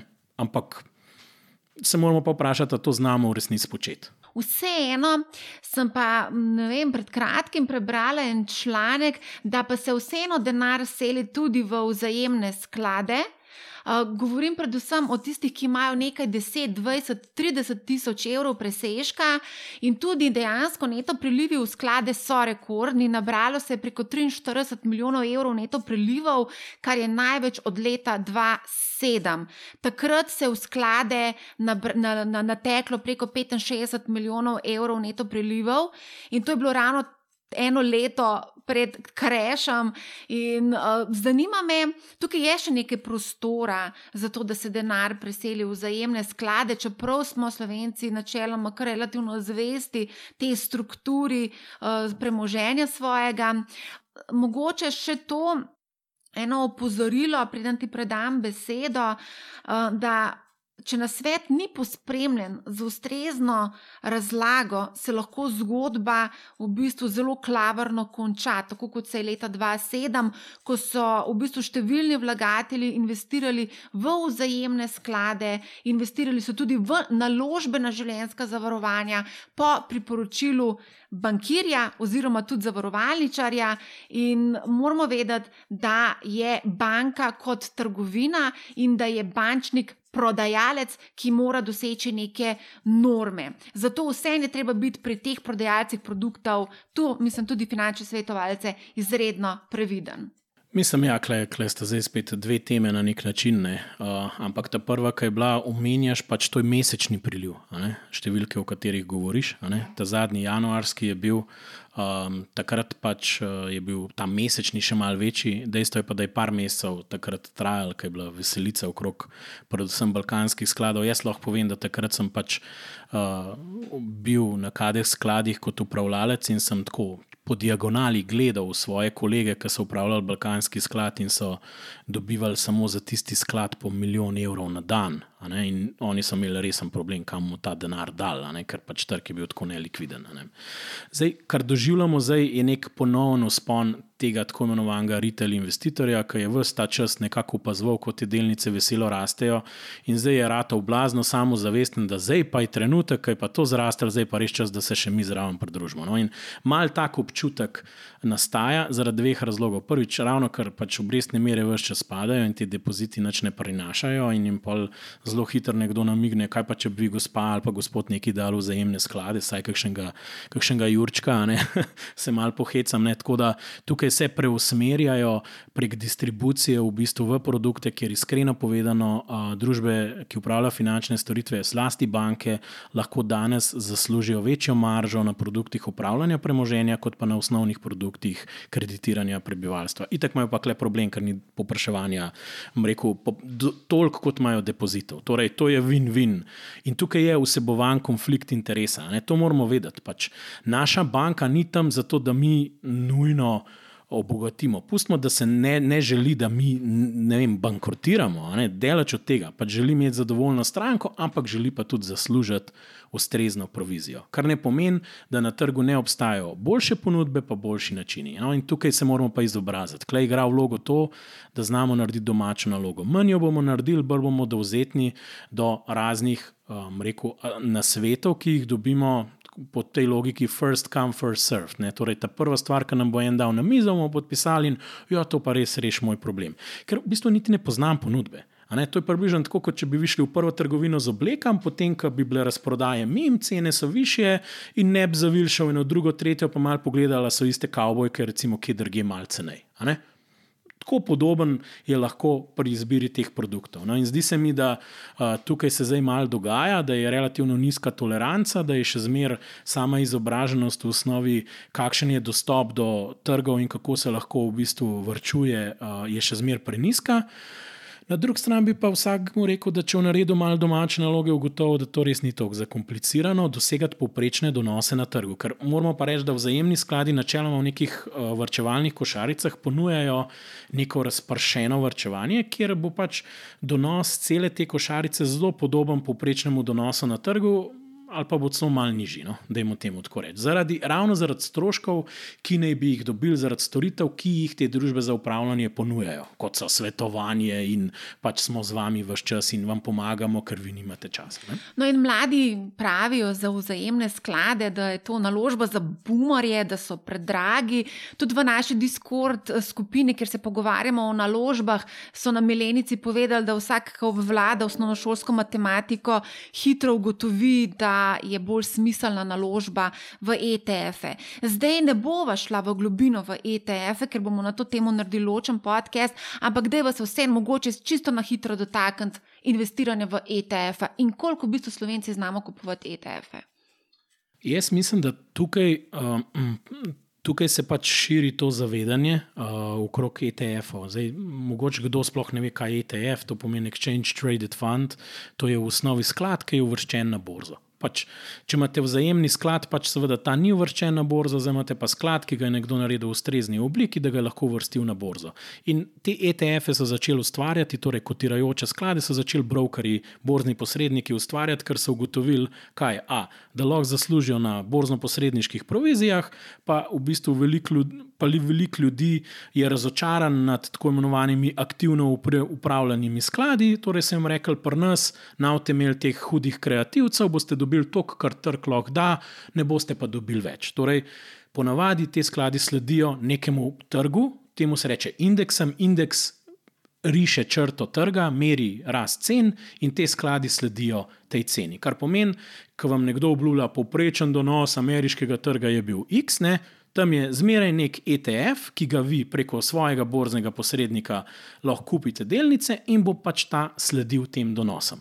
In tukaj se je glavna zgodba prodala. Eh, še nekaj časa, tako, ko sem jaz začenjal, je bila zgodba ETF-a eh, zelo nizko, napaka pri sledenju trgu je in v bistvu vi sledite bolj ali manj trgu. Se mečkam boste pod trgom, ampak ne velik, boste dobili kar trg. Če pa date enemu aktivnemu, je pa tveganje, da bo, da bo večinoma je pod, lahko je čez, ampak je veliko tveganje, da ne bo. Ne? Pa še drage so upravljalske provizije in druge. To so brokeri, so tako spodkopali, v bistvu so brokeri disruptirali družbe za upravljanje vzajemnih skladov in to še vse čas počnejo. Kje je, bil, kje je bil trik? Zlasti je to zelo dobro delovalo najprej za inštitucije, zaradi tega, ker so dobivali zelo ugodne pogoje za trgovanje. Medtem ko fizične osebe še v neki deset let nazaj, ne, v boomerskih časih, bi rekli, milenici, ne, si mogel ti plačati tudi tako, do 50 evrov za posamičen trade. No, ampak za to zgodbo, Zero Commission, je pa začela ta vstopna, vstopni strošek padati. Zato, ker kaj je problem? Če sem plačal recimo 10 dolarjev za nakup ETF-a, če sem hotel kupiti 50 dolarjev ETF-a, mi je pobral praktično petino. Ne? Petino mi je pobrala komišen za brokerja. Nihče ni vstopno provizijo za sklad 10 odstotkov plačeval. No, in klej je bila še neka logika pri vrčevalnih načrtih, čeprav oni računajo več na upravljalskih, pač dobimo noter. Ker so pa padle, zero commission je pa totalna vojna se začela. To pa pomeni, da lahko vsak kupi tudi 5-10 dolarjev brez brez posredniške provizije in v bistvu kupi ETF. Ne? Kar pomeni, da je rato v bistvu, če, če si omogoč dostop do trga z nekim ustreznim brokerjem, ta ustrezni reč, velik ustrezni, ker pač nočemo zgubiti svojega premoženja, ki smo ga prevrčevali, tako da mora biti solventen, ustrezno podprt, mora imeti kapital, zaupanje mora biti vreden. Ampak če si te kljukce naredil, načeloma, pomeni, da ti lahko vsakih, vsak mesec 100 evrov kupaš en ETF in si svoj lasten vrčevalen načrt narediš. Zdaj, kaj boš kupil? No, in tukaj so spet najdel odgovor, so rekli: pa kaj se matrate, kupite 500 največjih podjetij na svetu in kle začnite, vrčujte v njih, pa te 8% na let na dolgi rok naredili. In odgovor je, da, da to je res. Torej, če hočete imeti teh 8%, dokler niste hudo kreativni, pa hočete imeti vem, 10 tisoč odstoten donos, pa ne vem, kaj delati, speke kupovati, pa vse živo gor dol, je točno to. Boring, boomersko investiranje kupaš ETF vsak mesec for the rest of your life. Tukaj se lahko sami organiziramo. Težava, ki jo jaz vidim, je to, da mnogi v bistvu čez ta proces onboardanja pri brokerju, spoznavanja, ne pridejo. Druga stvar, pa je iskreno povedano, zero commission brokeri, ki so zaupanja vredni v Evropo, prihajajo z rahlim zamikom. No. Iskreno povedano, v Evropi je malo manj, ponudbe se krepi, vsako leto se doda, te firme rastejo, ampak tole je zdaj pristal resno zadnjih par let. No. V Ameriki je to, jaz bi rekel, ne pet let je Amerika pred Evropo, kar se tega tiče, Evropa pa hitro nadoknada, ker tudi ameriški kapital financira te evropske brokere, razne, ne vem, etoro, te dežiroje in, in, in, in tudi druge tega sveta, recimo, ki to ponujajo. Prav zero, torej brez provizijsko trgovanje.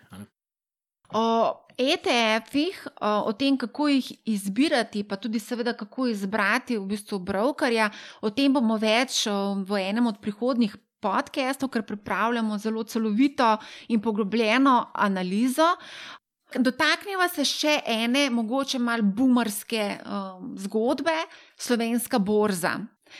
Letos je slovenski SB Top uh, s poprečno 8-odstotno donosnostjo 17. najbolj donosen indeks na svetu, od mislim, da je na stotih.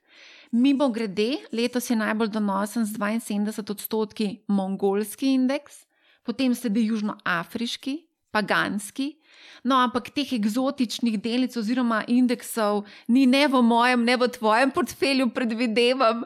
Skratka, lahko pa rečem, da imam uh, nekaj slovenskih blučipov, uh, ti sicer predstavljajo manjši delež mojega portfelja in v bistvu jaz osebno jih imam predvsem zaradi dividendne donosnosti. Slovenske delnice namreč veljajo za eno bolj dividendno donosnih na svetu in mislim, da smo lani računali, da je poprečna dividendna donosnost uh, slovenskih blučipov okoli 4 ali 5 odstotkov odstotkov. Je pa, recimo, kar smo že govorili o brokerjih, ne, nakup slovenskih delnic kar precej zasoljeno v primerjavi s tujimi. Recimo, če bi danes kupovala eno delnico Krke, bi za stroške plačala okoli 5 odstotkov, če pa bi kupila recimo za 1000 evrov Krke, pa bi plačala slab odstotek. V tujini pa imamo zero commission trgovanje. Kdo bo investiral v slovenske delnice? To je zelo dobro vprašanje, kdo bo v prihodnosti investiral v slovenske delnice in kaj se mora zgoditi na trgu, da bojo ratale bolj privlačne. Jaz bi tako vprašanje mogoče mehko dopolnil. Danes v bistvu so ravno zaradi mehkosti trga in mehkih obsegov, ki jih borzni posredniki ustvarjajo, zdaj govorim relativno, glede na druge trge, kjer je ta model uh, brez provizijskega trgovanja, ta poslovni model ne more funkcionirati na Ljubljanski borzi. To je dejstvo. Zdaj, kot si mi želimo, da bi ne more. Ne. Zdaj imamo pa dve možnosti. Ali naše izdajatelje spravimo na drug trg, kjer to financira, eh, pač rekel, ta cel sistem brokerjev, ki ima drug poslovni model, ali pa tukaj jim ponudimo dovolj pri, privlačna podjetja, da bojo požrli te stroške. Torej imajo motiv, da recimo je nek drug, ali je donos večji, ali je mogoče dividenda višja, ali so niže vrednotena, ali, ali bo emocionalno investiranje, kupujmo slovensko, da se malo pohecam, ne? ali, bo, ali bo nek drug inštrument, ki bo prepričal, predvsem po mojem mnenju, uh, dva tipa vlagateljev v Sloveniji. In, in, in moram žal reči, da v zadnjih letih opažam, da ne en, ne drug tip ni blazno navdušen nad pač dogajanjem na slovenskem kapitalskem trgu.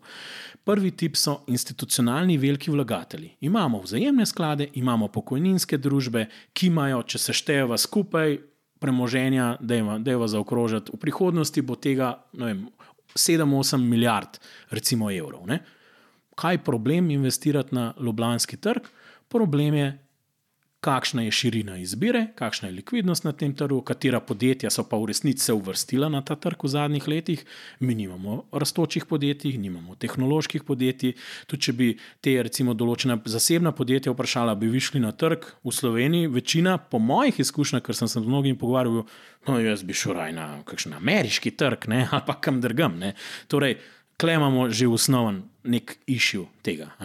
Drugi pa, kako lahko pričakujemo, da bodo fizične osebe investirali, če smart money ni pripravljen tega trga podpirati na dolgi rok. Zakaj? Ker retail investitorji, pa točno tako kot si rekla, pridejo zdaj v nekem letu 2021, januarja se jim malo trne, da bi pa, ker jim je nekdo rekel, da bo fajn pogledati malo sklade, recimo, ali pa kupiti kakšno delnico, pač pridejo na trg. Torej, retail pride in gre, ne moš na tem graditi kapitalskega trga.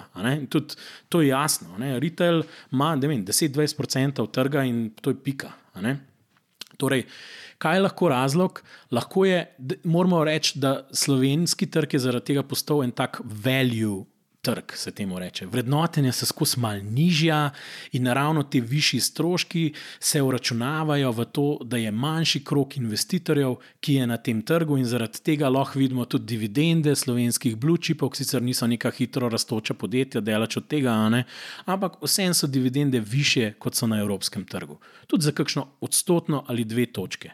Zdaj, če nekdo verjame v te dividende, da ne bojo padle, pa da bojo stabilne, bi mogoče celo rekel, da, da lahko gre na to, da bo tukaj stabilen denarni tok iz dividend, čeprav so višji stroški, ampak bom klemu eno relativno srednje tvegan portfelj delnic in bom prek dividend vlekel ne 6% na let, pa mogoče bojo te firme tudi rasle. Evo, to je slovenski trg.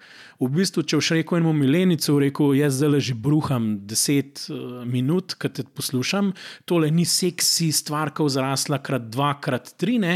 Če bi pa rekel enemu boomerju, a bi imel delnico krke, ki ti prinaša 4-odstotno dividendno donosnost, pa mogoče zrasla v desetih letih krat 2. Rekel, no, sej, mogoče bom kupil kakšno nepremičnino, pa še malo krke zraven, se saj vem, da ti dolenci dobro delajo. Mislim, to so pol vprašanja, kdo je tisti, ki ga v bistvu take naložbe prepričajo. In, in, in to je odgovor. Torej, slovenski kapitalski trg, iskreno povedano, vsi udeleženci, ki smo na njem, kot celota smo premalo ambiciozni, da bi naredili zgodbe in povezali to v neko večjo zgodbo. In jaz se mal, mene malo skrbi, da je ta vlak mogoče celo odpeljal, ker se toliko premikajo hitro drugi kapitalski trgi, da bo mogoče za nekatere družbe, ki bojo slovenske, govorim, ki bojo želele, ki bojo ratal velike, če bojo ratal velike, enostavno, če bojo razmišljali o IPO-ju, ne bo prišla Ljubljanska borza, ki je del Zagrebške ali pa Ljubljansko-Zagrebška borza, ki je v bistvu isti sistem praktično povezanih dveh borz, ne bo dovolj atraktiven in renomiran, da bi se na njega uvrstile. To me skrbi.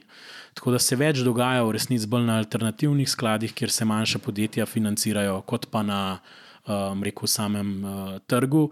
Ok, super, najlepša hvala za to. Zdaj nekateri poslušalci čakajo na tisto vprašanje, ki smo v bistvu ga naslovili na začetku in sicer, da ni težko investirati. Ok, pa nam pa povej, ne? če imamo recimo 10 tisoč evrov viška ali pa 100 tisoč evrov, ali pa če imamo recimo 100 evrov na mesec viška uh, sredstev, kam s tem denarjem? Če smo recimo uh, manj nagnjeni k tveganju in pa recimo če smo bolj nagnjeni k tveganju. Če ste manj nagnjeni k tveganju, bom to vzel, da to pomeni, da ste vsem fokusirani tudi na ohranjanje premoženja in imate mogoče nek dogodek čez pet let, ko boste ta denar rabili. Zdaj, zakaj ne bom špekuliral? Ne? Uh, v, v takšnih primerih bi jaz svetoval uh, vsem, da se tvegane naložbe vključujejo noter, ampak da se časovno, periodično odloži vstop na delniški trg uh, in sicer to na tak način, ko govorimo danes o rekordih, ne, v resnici, praviloma se zlom ali pa da imamo reči tako, DNK uh, borznega zloma zgleda tako, da se večina upada zgodi tam v praktično 12 mesecih ali pa največ v dveh letih. In to pomeni zelo enostavno, da če imate večji znesek, ki ga razmišljate na enkrat na ment, dajte raj to razdeliti tako na ene tretjine in na ta leto pa pol malo razpršite, če hitreje pade, dajte malo več noter, pa nikoli ne investirajte na delniški trg za manj kot za načeloma 8 do 10 let. Pa bom povedal, zakaj.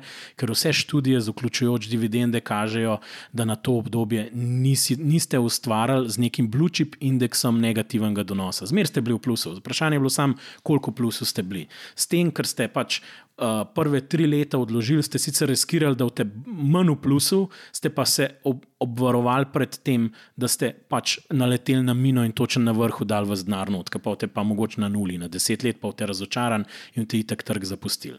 Zdaj, tako, če imate pa daljše obdobje, če imate pa daljše obdobje, v bistvu, bi pa v bistvu svetoval to, da isto naredite po vstopu, samo da ti z drug denar pa pol hitreje poinvestirate, ne? da zdaj pol po mesecih to nekaj vrčujete, a ne nujno, a ne? če imate večji denar na lagarju. Zdaj, klej govorimo, imam 100 tisoč evrov, pa zelo jih bom dal na trg. Ne, 100 tisoč evrov bom zaslužil v desetih letih in jih moram investirati. Ker morate vedeti, da na delniškem trgu vsaka številka čez 20 let bo povečana za številko 8. Tako da vsak čas, ki denar na računu sedi, v resnici je oportuniteten strošek, da niste ustvarjali donosa.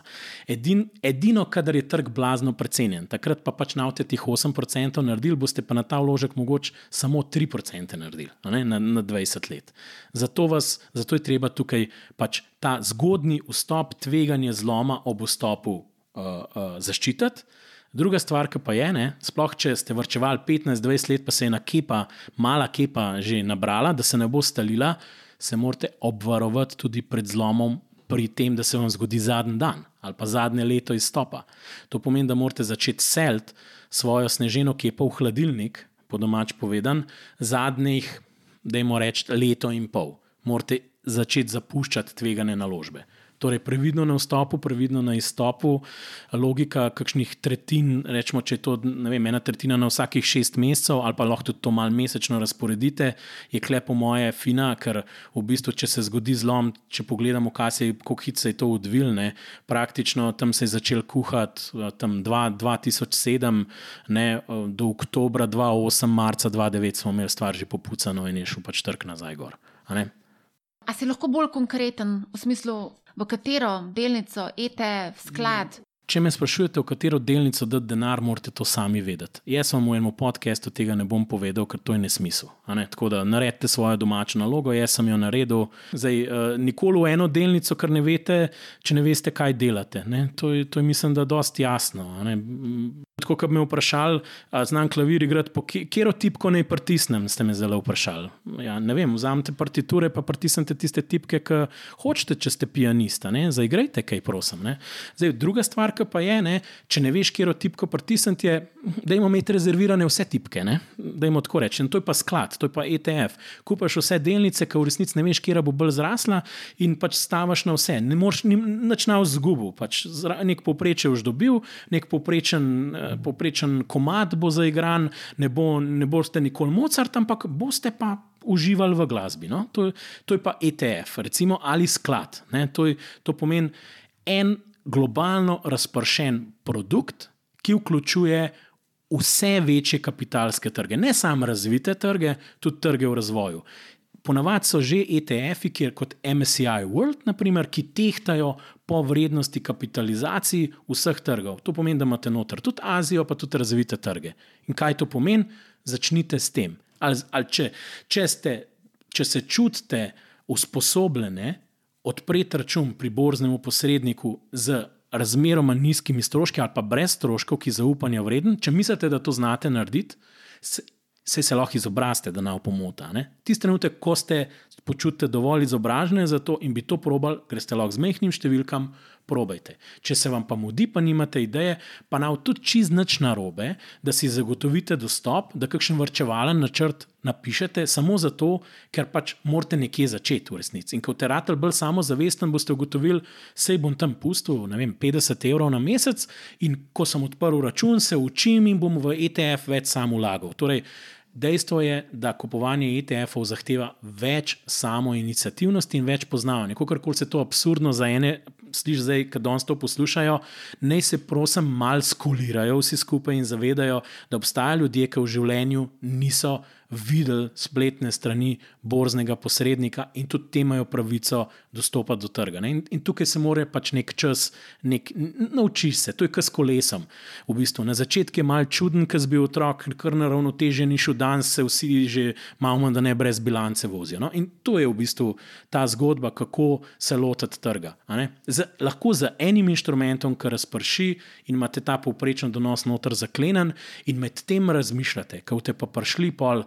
Oh, obstaja ta tipka, obstaja ta oktava, aha, note so, lahko zaigram nekaj drugega, to so pa pol te ideje, ki jih dodajate na to. Poznate neko firmo, ja, mogoče bi dodal. Sam Zdaj bom tako rekel, če pa kupujete zato, ker je kul cool imeti Teslino delnice, pa me pa ne sprašujete, koliko boste zaslužili. Ne? Ker eni tudi avtomobile kupujejo zato, da so kul, cool, pa ne vem, če ima to monetarno logiko v zadju, da se mal poheca. Andraš, to je odličen nasvet. Sicer bomo več o konkretnih naložbah govorili tudi v, o, v enem od prihodnjih podcastov. Mislim, da smo za uvodni borzni podcast odgovorili na nekaj ključnih vprašanj. Hvala, Andraš, da si za manjhav prekinil medijski mok in delil z nami svoje mnenje in izkušnje z borze. Meni, meni je v bistvu užitek o tem govoriti, sej upam, da sem del te svoje strasti skozi mikrofon prelil v vaše slušalke, pač uh, se še kaj slišmo. Super, najlepša hvala. Pripričana sem, da je marsikdo kar eh, veliko odnesel od tega pogovora. Če vam je bil ta podcast všeč, se naročite na en, kot omenjeno na začetku. Pripravljamo še več poglobljenih borznih vsebin, pa ne samo borznih, tudi druge teme, ki lahko koristijo vam in vaši denarnici. Če imate kakšen predlog, mi pišite preko katerega od družbenih omrežij, sem na praktično vseh ali na marjaafnabusinessspace.com. Želim vam lep dan in ne pozabite, denar ne dela za vas in ne vi za denar. Lep pozdrav!